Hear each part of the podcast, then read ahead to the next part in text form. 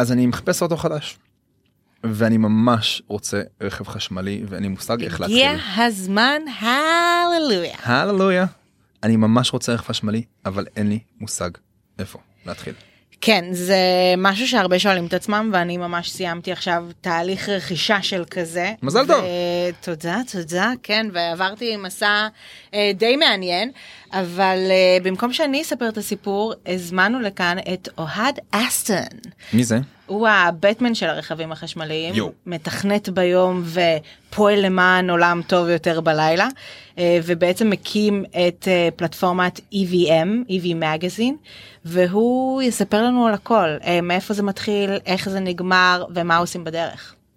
כל מה שאנחנו צריכים לדעת מי איך בוחרים רכב איך בודקים את הטווח או גורמים חשובים אחרים איך מתקינים עמדת טעינה ולמי כדאי ומי לא כדאי הכל בפרק הזה.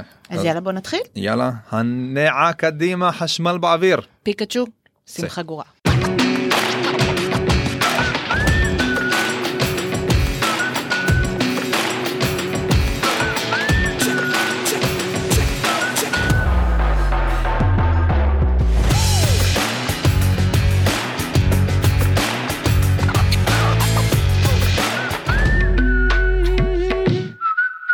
חשמל באוויר והפעם עם אורח נהדר מיוחד וספונטני. קבלו אותו. אוהד מה שלומך? אני בסדר, אני מוכרח לציין שזה גם הפעם הראשונה שאני מתארח בפודקאסט. וואו! כן, אז אין לי מושג מה עושים. כבוד גדול שמחה ששון ובעיקר בעיקר. ספר לנו על עצמך. טוב, אז uh, הסיבה קודם כל שאני כאן, uh, היא כי הקמתי את EV מגזין. EV מגזין זה בעצם פלטפורמה אונליין לרכבים חשמליים. חשמלי. בגדול התחיל מאתר, היום זה גם בעיקר ערוץ יוטיוב, פייסבוק, אינסטגרם, וגם להתארח בפודקאסטים מדי פעם. מיד עוקב אחריך. כן, ובעצם אני בהכשרתי מתכנת. התחלתי לתכנת בגיל צעיר, זה היה משהו כזה שזרם אצלי בוורידים. אה, איכשהו תמיד התעניינתי באנרגיה ירוקה, בתחבורה חשמלית. זה משהו שזה תחום שיצא לי לעקוב עליו אחריו מדי פעם, עד שעידן טרום קורונה אנחנו טסים לחו"ל, יצא לי להיות הרבה בתוך מתכנת בארצות הברית, יצא לי להיות באירופה. וב-2017 2018 אנחנו רואים שבעצם קורים הרבה דברים באירופה אה, בארצות הברית ופה בישראל בעצם מי- דיבר על רכבים חשמליים ב-2018 יש מעט מאוד אנשים שאני מכיר שהתעסקו עם זה הם כל כך מעט אף אחד לא שמע עליהם היום אולי קצת יותר שמעו עליהם. וב-2017 כשהייתי בארצות הברית החלטתי אה, להיכנס לאתר שנקרא טורו אני לא יודע אם אתם מכירים את זה טורו זה אתר הוא כמו Airbnb לרכבים אוקיי. בעצם אתה כל אחד יכול לשים את הרכב שלו הרעיון הוא שיש רכבים מגניבים יוצא דופן מוזרים אה, גדולים קטנים בכל הצורות וכל הזה להיות שונה בעצם מ- אה, מהשכרת רכב סטנדרטית מתה ושכרתי לדעת מה בחרת. טסלה מודל S. אוקיי. זה היה שנת 2000 אה, 2000 הייתה שנת 2016 אני הייתי ב2017 הגעתי לרכב בן אדם הסביר לי על הרכב בשנייה ונכנסתי ונסעתי. וזה היה משהו אה, מדהים בעיניי כי אף אחד לא היה צריך להסביר לי מה זה רכב חשמלי איך מתנה, מתנהלים איתו. בתוך הרכב יש להם אני לא צריך לספר אני מניח שאנשים כבר מכירים לטסלה יש סופר צ'ארג'רים אז ב- הייתי בקליפורניה יש שם רשת עצומה אם נגמרת לך הסוללה. יש ברכב אה, בעצם כפתור אתה לוחץ הוא מראה לך את הסופר צ'ארג'ר הקרוב אתה לוחץ עליו אתה מגיע. ובעצם התנהלתי ככה לא היה לי איפה להטעין בלילה אני בקליפורניה כל נסיעה זה 100 קילומטרים בכיוון. אה, לרכב היה אז טווח אני חושב של 260-270 מייל. לא היה לי בעיה. כמעט אה, 400 ומשהו קילומטר. כן 400 ומשהו קילומטרים אז לא היה בא להתנייד וזה היה משהו מדהים בעיניי אני חושב שגם התפיסה הזאת שפתאום אתה פשוט נכנס ונוסע והגעתי לפה וראיתי שאף אחד לא מסקר את זה ברצינות או לא ברצינות מדי פעם יש כתבות פה ושם אה, ובסוף 2018 החלטתי להקים מקור מידע EV מגזין שהמטרה שלו להיות בעצם מקור מידע אה, מהימן מקיף לתחום התחבורה החשמלית EV מגזין זה בסוף אה, אתר שהוא יוזמה שלך ואני לא חושב שזה הדבר שאתה בעצם מתקיים ממנו אתה עדיין מתכנת. נכון אני מתכנת מתכנת אה, ביום כן, ו- לא עושה את זה בלילה מסקר ומפיץ את הבשורה על תחבורה חשמלית בלילה. פחות או יותר כן, אני לא ישן. אני לא ישן כן לגמרי. אמ, איך הגעת לפה היום? איך הגעתי לפה היום? עם, אה, איך הגעתי? עם רכב. רכב רכב? חשמלי כמובן. איזה? איזה? טסלה מודל 3. יפה, האהבה לטסלה נשארה. האהבה לטסלה נשארה. אה, הסיבה שלקחתי אותו דרך אגב זה לא בהכרח האהבה לטסלה זה שבזמנו זה הרכב היחיד שהיה לו טווח שמתאים אבל היום אנחנו כבר בשוק דרך אגב אחר לחלוטין.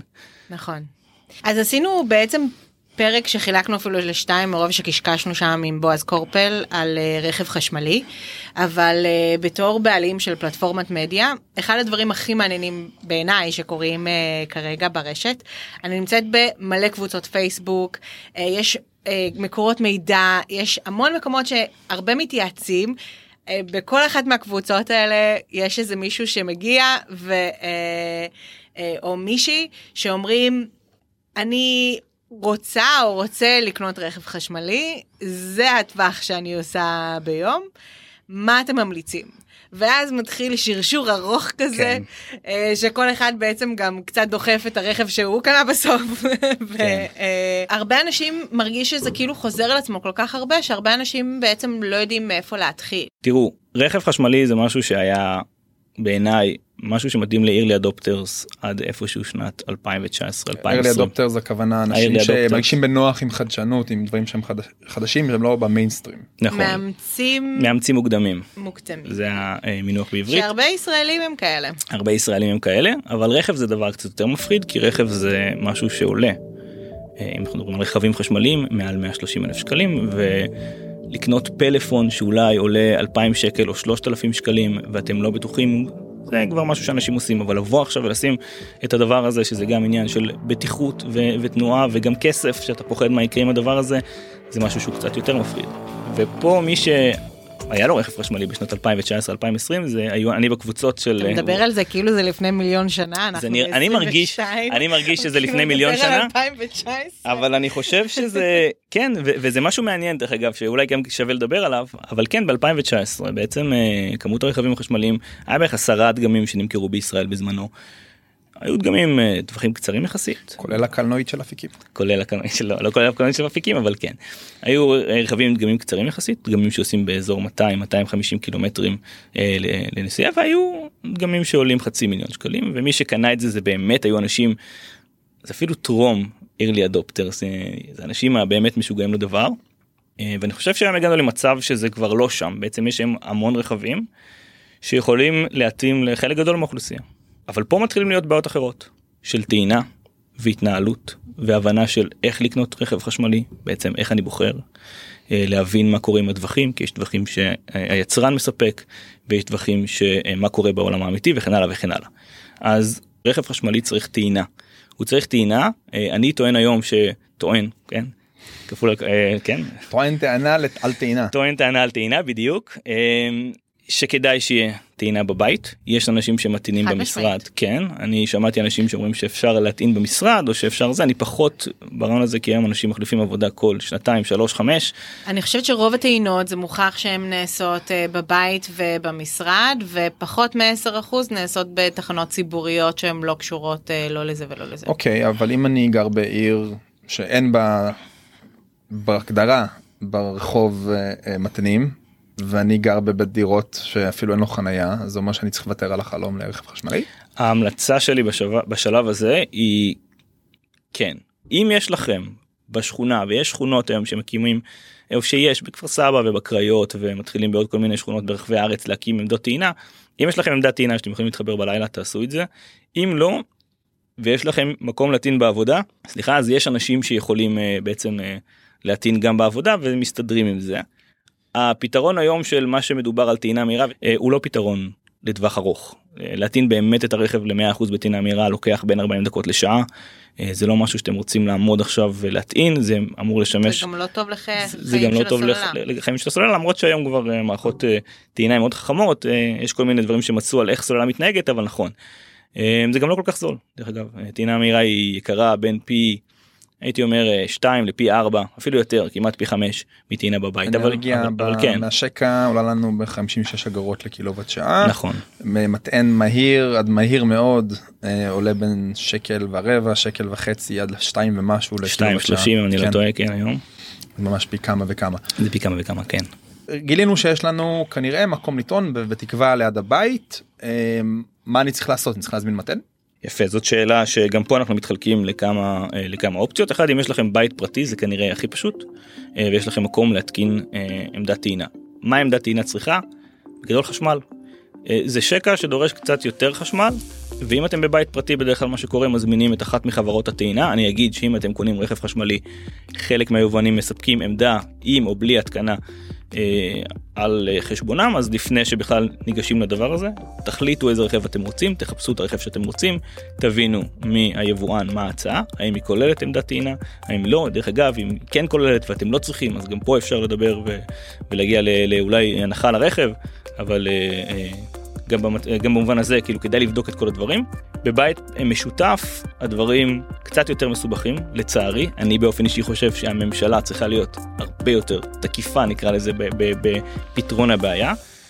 ממש בגדול היום צריך אישור של חלק מהדיירים של הוועד לא צריך אישור של הוועד כן צריך אישור של הוועד צריך איזשהו אישור צריך בעצם להבין איך לוקחים חשמל אה, מה או תשתית ציבורית או התשתית של הדירה אל החנייה שלכם זה אומר שצריך להעביר איזשהו קו חשמל. אה, במובן הזה גם חברות הטעינה עושות את זה אפשר לדבר איתם אה, חלקן גם יודעות לעבוד עם ועדי בתים ולנהל אה, את כל זה אם יש לכם עמדת טעינה בבניין אני אגיד כנראה הרבה יותר קל להתקין את השנייה כי מישהו כבר עשה את העבודה מול הוועד. העבודה כן, הראשונית. אני יכול להגיד לכם שאני עשיתי את העבודה הזאת וזה עבודה שלקחה קצת זמן בסוף זה נפתר יש אנשים שקנו טסלה שהם מטעינים בסופר צ'ארג'ר שלהם אני מכיר אנשים שהם נקרא משוגעים לדבר אני לא ממליץ על זה אני רואה איך הם מתנהלים הם נוסעים כל יומיים שלושה סופר צ'ארג'ר זה המתן המהיר כן סופר צ'ארג'ר זה לא נמצא בבית הוא לא נמצא בבית. All electric Chevy Bolt EUV. Tesla cars. The BMW iX. Ionic 5. שלב הבא אולי לפני או אחרי אבל תכף נגיע לזה זה גם להבין איזה רכב אנחנו רוצים. אז הדבר הראשון שצריך להבין זה בכלל מה הגודל שאנחנו רוצים כן? וזה אנחנו לא ניכנס לפה כי זה לא משתנה בין רכב בנזין לרכב חשמלי. אתם רוצים רכב גדול אתם רוצים רכב קטן אתם רוצים רכב יפה אתם רוצים רכב מכוער כל אחד והחלטות שלו. תיכנסו לרשימה תראו את הרכבים החשמליים שיש תבינו מה מה רלוונטי לכם תסננו. תקציב גודל אה, נוחות שימושיות עיצוב בסדר זה בכל רכב כמו כל רכב. לא משתנה. לא קשור לא משתנה. הקטגוריה שלו אה, משפחתי מיני נכון. אה, גודל בגאז'. גודל בגאז' וכן הלאה וכן הלאה כן כמה מקומות יש אתם רוצים כזה או אחר. אני חושב איזה- שכן מה ששונה מאוד מרכב אה, עם מנוע בעירה זה הטווח נכון כי הוא אתה לא מה שנקרא בחוץ. אה, אה, מזכיר יותר את הרכבים רק, בגודל אורי נותן בי מבט כועס של הרכבים החשמליים נראים שונה. אה, לאו דווקא יש רכבים שהם כאילו יש אותם גם בגרסת בנזין וגם בגרסה חשמלית וגם בגרסה היברידית והם בעיניי מאוד מזכירים את מה שאנחנו מכירים עד היום אחד הדברים היפים אני חושבת זה דווקא הרכבים שמראש מהנדסים אותם להיות רכב חשמלי כי אז אנחנו רואים את כל התצורה הזנית הרבה יותר מרקום בקבינה לא צריך אה, את כל החלקים שקיימים בעולם הבנזין ושם יש לנו כאילו מרחב חדש. נכון. אה, הוא גם בדרך כלל מאוד חדשני בתצורה שלו בפנים. הדשבורדים והכל הפכו להיות מסכים אין יותר כפתורים איזה כיף. זה עולם אחר לגמרי זה משהו שהוא פשוט חווייתי אני חושבת אה, אה, במעבר לרכב חשמלי שהוא באמת נוצר מראש להיות כזה. אז אז אני, אני מחזיר אותם רגע לשאלה על הטווח. אה, אה, מי אומר לי כמה טווח יש לאותו כן הדבר הזה הדבר שמעניין את, אחד- את, אה, את חלק גדול מהאנשים אני חושב שאנחנו בישראל היה לנו פה איזשהו פספוס כי בעצם נכנסנו לזה באיחור ואנחנו מדינה קטנה ויכלנו להימנע מהדבר הזה שנקרא חרדת טווח כי אם היינו מוותרים על כל הרכבים להם אה, זה של 200 וישר היינו מביאים כבר גם ככה הם בקושי נמכרו פה.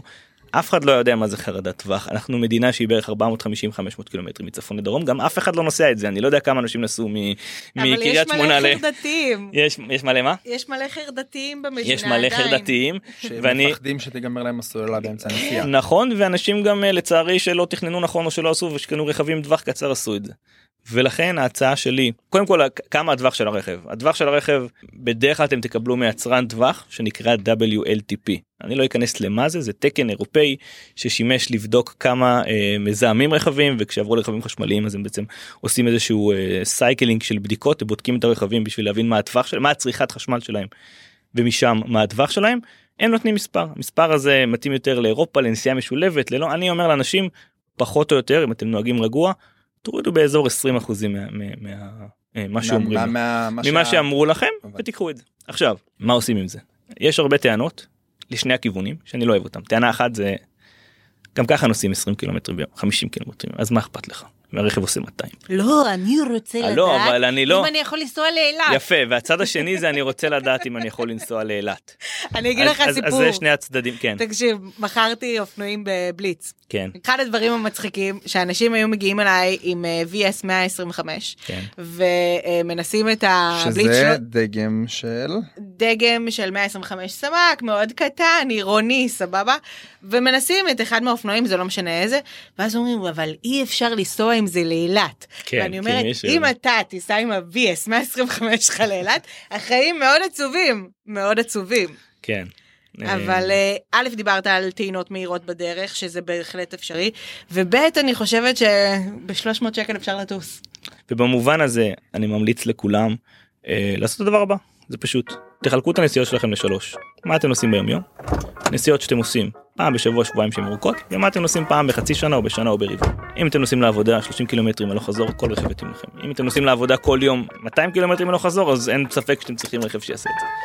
אם אתם נוסעים לעבודה מעט אבל אתם נוסעים להורים שלכם שהם 150 קילומטרים מכם או שאתם נוסעים הרבה לבתי מלון או שאתם נותנים ילדים בסוף שבוע תיקחו רכב שעושה את זה שיכול לעשות יותר מזה.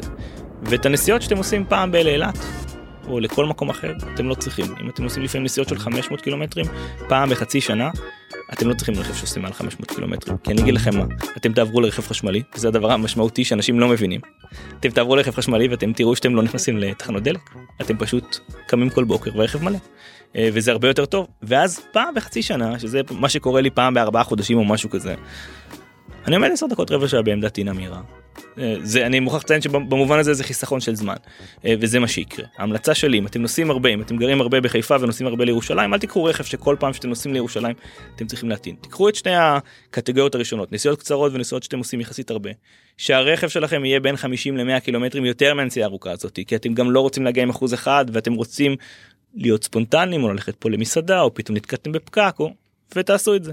אני אומר לכם רוב האנשים שאני שואל אותם מתי בפעם האחרונה נסעתם מעל 200 או כמה פעמים אתם נוסעים מעל 250 קילומטרים ביום או 300 קילומטרים ביום. יש אנשים שאומרים לי שהם עושים את זה פעם בשש שנים או בחמש שנים או שהם עושים את זה פעמיים בשנה. אז כל רכב שעושה את זה בעצם מתאים לכם ולכן בטווח שימו לב לדבר הזה. אוקיי אז אנחנו יש לנו את כל הנתונים הגענו להחלטה אני מניח שבישראל כמו בישראל יש אה, סוכנויות מכירות יש יבואנים או מצד שני אנחנו מכירים את זה שטסלה אולי מוכרת ישירות. מה אנחנו צריכים לדעת ששונה בהתנהלות של רכב חשמלי מול אותם סוכניות רכב? יש איזה שהם טריקים ששווה לדעת להכיר? אתם הולכים ל- ל- לסוכנות. זה בישראל זה בעיקר יבואנים יש גם כאלה שמוכרים מחוץ אבל זה בעיקר יבואנים. ואתם צריכים להבין כמה דברים. קודם כל מעבר למחיר זה האם זה כולל עמדת טעינה או לא כולל עמדת טעינה יש גם עמדת טעינה עם התקנה התקנה עמדת טעינה אני רק אתן לכם זה עולה עולה באזור 2000 ל-3000 4000 שקלים לפעמים גם יותר אם זה עמדות חכמות לא תמיד אבל אה, אז לפעמים זה כלול בפנים. אה, לפעמים גם התקנה בסיסית כלולה אני לא רוצה להיכנס פה לפרטים התקנה בסיסית עם יחסית קל להעביר במשהו כמו 40-50 מטרים אני חושב זה המספר קו אז עושים את זה או משהו כזה. אפילו 30. אפילו 30 יכול להיות אני לא, לא באמת לא מכיר את המספרים אבל כן זה באזור הזה. אמ, ואז זה כאילו עוד הטבה ששווה כמה אלפי שקלים. עוד שני דברים שכדאי לדעת שמקבלים אותם זה אה, כבל סבתא כדאי שיהיה. אם אין זה בסדר אפשר לקנות. אה, הכבלים שאני מדבר עליהם עולים בסביבות 1000-1500 שקלים קחו את זה בחשבון. ודבר שני זה כבל שנקרא Type 2 שזה זה כבל חשוב כי בעצם כל תשתיות כבל Type 2 זה כבל שמתחבר מעמדת טעינה לרכב. עכשיו אני רק אגיד שאתם קונים עמדת טעינה לבית יש לה כבר כבל מובנה בתוכה. כשאתם הולכים לעמדת טעינה מהירה יש לה כבל מובנה. אבל אם אתם הולכים לעמדת טעינה לא מהירה ציבורית ברחוב במשרד בדרך כלל אין לה כבל. ואז צריך כבל שנקרא Type 2 או Type 2 אם אני מסתובב עם כבל ומחבר אותו למתקן שאין בו כבל ומחבר אותו לאוטו שלי כן. ועוזב את האוטו לטעינה ארוכה מישהו יכול לבוא לקחת את הכבל הזה לא קודם כל הרכב נועל את הכבל ולכן עד שלא אמרתם לרכב בזמן טעינה. או, מה, מה- או מהצד של המתן גם המתן יכול להגיד את זה. הסתיים הטעינה אז אי אפשר בעצם אה, לבוא ולקחת את הכבל. אתה צודק זה כבל יקר אף אחד לא רוצה שיקחו לו אותו אבל כל עוד לא ניתנה פקודה מהרכב הרכב נועל את הכבל. אני יכול שאלת תם כן אני כיף לי שזה נושא שאני פחות מבין בו משניכם כן והכל חדש. אמ, נכנסתי לאוטו אבל אני מגיע הביתה ורוצה עיתון בפעם הראשונה. כשאני בתחנת דלק אני לא באמת מקבל חיווי שאני מתדלק. האם איך אני יודע שאני טוען איך אני יודע כמה אני טוען זה משתנה מהרכב לעמדה כלומר יש עמדות שאומרות את המצב יש עמדות שאין בהם שום דבר ויש רכבים רוב הרכבים יגידו לך מה המצב שלהם. אה, ובעצם מה שקורה אתה מחבר את אתה פשוט מגיע אתה פותח את השקע של טעינה אתה מוציא את זה וזה פחות או יותר פעולה של חמש שניות. אתה פשוט מכניס את הכבל לתוך השקע שברכב. רוב הרכבים יש בהם חיווי זה משתנה מרכב לרכב. אה, יש אני מניח גם אפליקציות. יש גם אפליקציות שוב זה תלוי ברכב יש רכבים שמגיעים עם אפליקציות אה, שמראות את מצב הטעינה הרכב גם בדרך כלל לא רק זה הוא גם אומר לך מתי הוא יודע גם כמה הוא מקבל מהעמדה? עמדה גם יכול אני לא אכנס לזה אבל עמדה גם יכולה להחליט הוא שאלה אין לה את כל הכוח שיש לרכב. אה, ובעצם אה, הרכב גם יכול להגיד לך מתי אני אסיים טעינה מתי אני צפוי לסיים את הטעינה?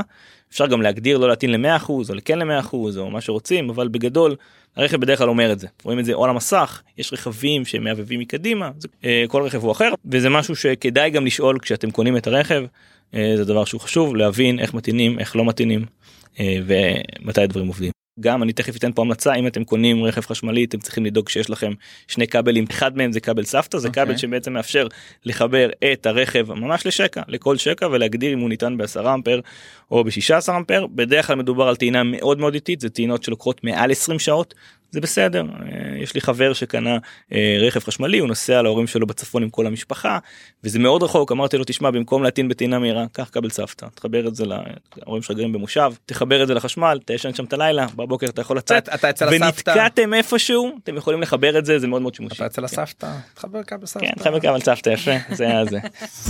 בינינו כן יש סיבה לא לעבור לרכב חשמלי. המציאות היא שרכב חשמלי נוסע בחשמל של בין 10 ל-12 אגורות לקילומטר. זה מה שהוא צורך.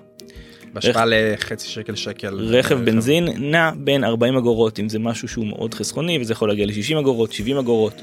פחות או יותר הממוצע בישראל זה 18 אלף קילומטרים 20 אלף קילומטרים. אז בוא ניקח 20 אלף קילומטרים ב-10 אגורות 11 אגורות פה 2,000 שקל חשמל בשנה. בשנה. בשנה. במקום אה, עלויות דלק בחודש של 1,000, 1,500, 2,000. כן, משהו כמו משהו כמו 1,000, כן. אז זה חיסכון מטורף, ויש פה אגרת רישוי של 530 שקלים במקום 2,000, וגם לא דיברנו על זה שיש פחות תחזוקה. אה, למרות שזה תלוי איפה אתם הולכים אבל גם יש שגרת טיפולים בדרך כלל יחליפו לכם פילטר מזגן אין איזה מערכת הילוכים מסובכת שצריך אין כל כך החלפת שמנים יש מעט מאוד חלקים נעים. אה וגם וזה הדבר החשוב אולי שכדאי לדעת יש אחריות לסוללה ולמערכת הנעה, בדרך כלל לשמונה שנים או 160 אלף קילומטר. למי שמוטרד, למי שזה, שתדעו שזה אחריות מאוד מאוד, כמעט כולם נותנים את האחריות הזאת. שוב, אתם קונים רכב, תשאלו גם את זה, אבל אין כמעט הבדלים בין הדבר הזה. כן, בגדול, אם יש לכם איפה להטעין בבית, לדעתי לרוב האנשים לא ישתלם כלכלית להחזיק רכב בנזין, יותר משתלם להחזיק רכב חשמלי, גם אם הוא עולה 20 אה, אלף שקלים יותר, גם אם הוא עולה 30 אלף שקלים יותר, תעשו בסוף את החישוב, מה שנקרא עלות החזקה כוללת, ותראו מה יוצא. תודה על המדריך ומורה נבוכים של איך אה, אה, המקיף הזה איך ל, ל, להבין ולסגור את הנושא של רכב חשמלי ובגדול אני בטוח שכל מי שייכנס ל-EV מגזין גם יראה 2-3 סקירות גם יקבל המון מידע שאולי לא נכנסנו אליו פה אז אני ממליץ בחום. גם יוכל לראות את הפרק הזה כמו בעוד uh, הרבה פלטפורמות אנחנו נמצאים בספוטיפיי ביוטיוב באפל פודקאסט. ובכל הפלטפורמות ש, אמ, של השמה. קבוצת טלגרם מאוד מגניבה של חשמל באוויר. ופייסבוק ולינקדאין. אז אתם אה, מאוד מוזמנים להאזין לנו לעוד פרקים נוספים אתם מאוד מוזמנים להיכנס ל- EV Magazine וללמוד הכי עמוק שאפשר על הרכבים שקיימים בארץ וקיימים בעולם. תודה למשרד האנרגיה כן. אתם טובים אלינו ונהדרים וכיף לעבוד איתכם אז תודה ומייקרוסופט. ומייקרוסופט פור סטארט-אפס יש להם תוכנית ממש מגניבה לסטארט-אפים כדאי לכם לבדוק אותה. אז uh, אנחנו נתראה בפרק הבא. יס. חשמל באוויר. יס. תודה אוהד. תודה שהזמנתם אותו. תודה אורלי. תודה.